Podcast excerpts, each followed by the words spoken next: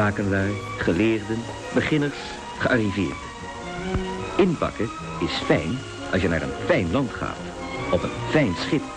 Van een goede lijn. Een reis met de Holland-Amerika-lijn.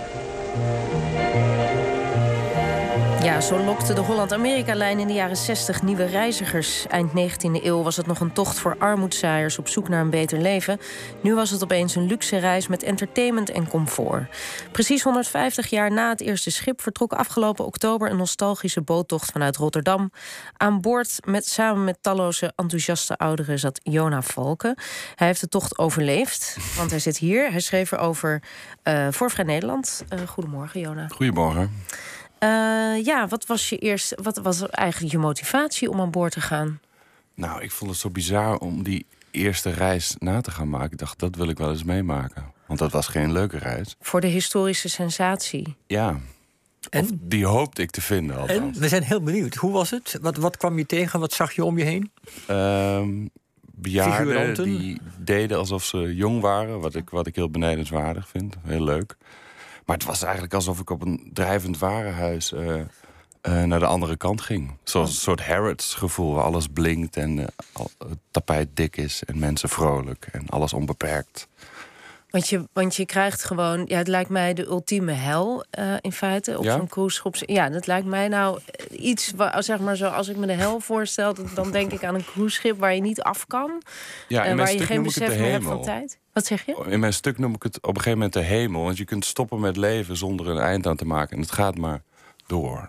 Maar misschien is dat ook een soort hel voor jou dan. Precies, dat is ja. uh, inderdaad is wel waar. Kun je het nog een beetje uh, beschrijven? Van hoe, hoe groot is het en, en wat, wat moeten we ons voorstellen? Uh, 300 meter lang, 2000 passagiers en 900 man Um, personeel. Maar wat deden ze, ze zo al? In, in, want je zit op, kun je ons heel even meenemen naar één voorbeeld van een attractie waarvan je denkt: ja, dat had ik ook wel gewild?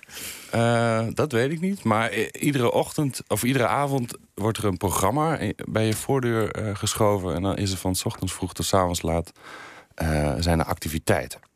En dat begint met uh, yoga en uh, bingo en zwemmen kun je. En je kunt naar de spa, je kunt botox laten doen. Zelfs een, een facelift op een hobbelige boot. Ik, dat, dat zou ik toch niet doen. Um, en verder is er heel veel muziek. En er wordt gedanst. En uh, er zijn zes restaurants. En alles om maar niet naar die zee te kijken, lijkt het En, en was er nog iets wat je deed denken aan hoe het eind 19e eeuw of begin 20e eeuw geweest moet zijn aan boord? Dat je dacht, ja, ik kom mensen tegen of situaties die me daaraan doen denken? Nou, het vertrek was uh, uh, vooral het toneelstuk. Maar toen die hoorn op een gegeven moment ging loeien... en er vaarden allemaal kleine schepen mee die een soort zingerig geluid maakten... Dat, dat was wel heel... Toen hield ook iedereen zijn mond op het dek. Dat was ook heel mooi. Um, dat wakkerde het aan. En al het personeel dat aan boord zat. Want die, die landverhuizers die werden als een soort vee werden die vervoerd. Je bedoelt de 19e eeuwse uh, mensen op, op zoek naar een nieuwe wereld. Maar op een gegeven moment, dat personeel was allemaal Aziatisch. Wat ook al heel akelig is om te zien dat er zo'n duidelijke scheiding in zit. Beetje Qatar-situatie eigenlijk. Ja, ja, precies. En iedereen danst eromheen, letterlijk. Um, dus ze, werden eigenlijk, ze mochten eigenlijk niet met, met, met gasten praten. Maar als je een beetje je best deed.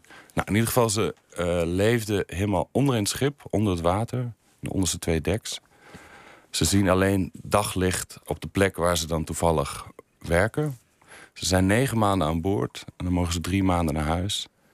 Uh, ja, weiter. Ja. Dus eigenlijk dus... via het personeel en niet zozeer via de programmering nee. kwam je een beetje in het gevoel van hoe het moet zijn geweest voor mensen die oorspronkelijk. Ja, dat vond ik heel bizar. Dat, dat, dat in het hart van het schip, want je ziet ze verder ook helemaal niet met eigen. Dat was net als vroeger, dan werden de klassen werden dan gescheiden.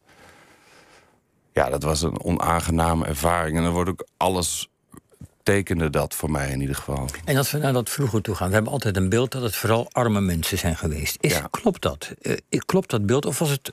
Ja, in die beginjaren wel. Dat, ehm, ehm, dat waren allemaal verarmde boeren. Ja, dus dat, dat, dat was niet zo duur om dan eh, aan boord te kruipen.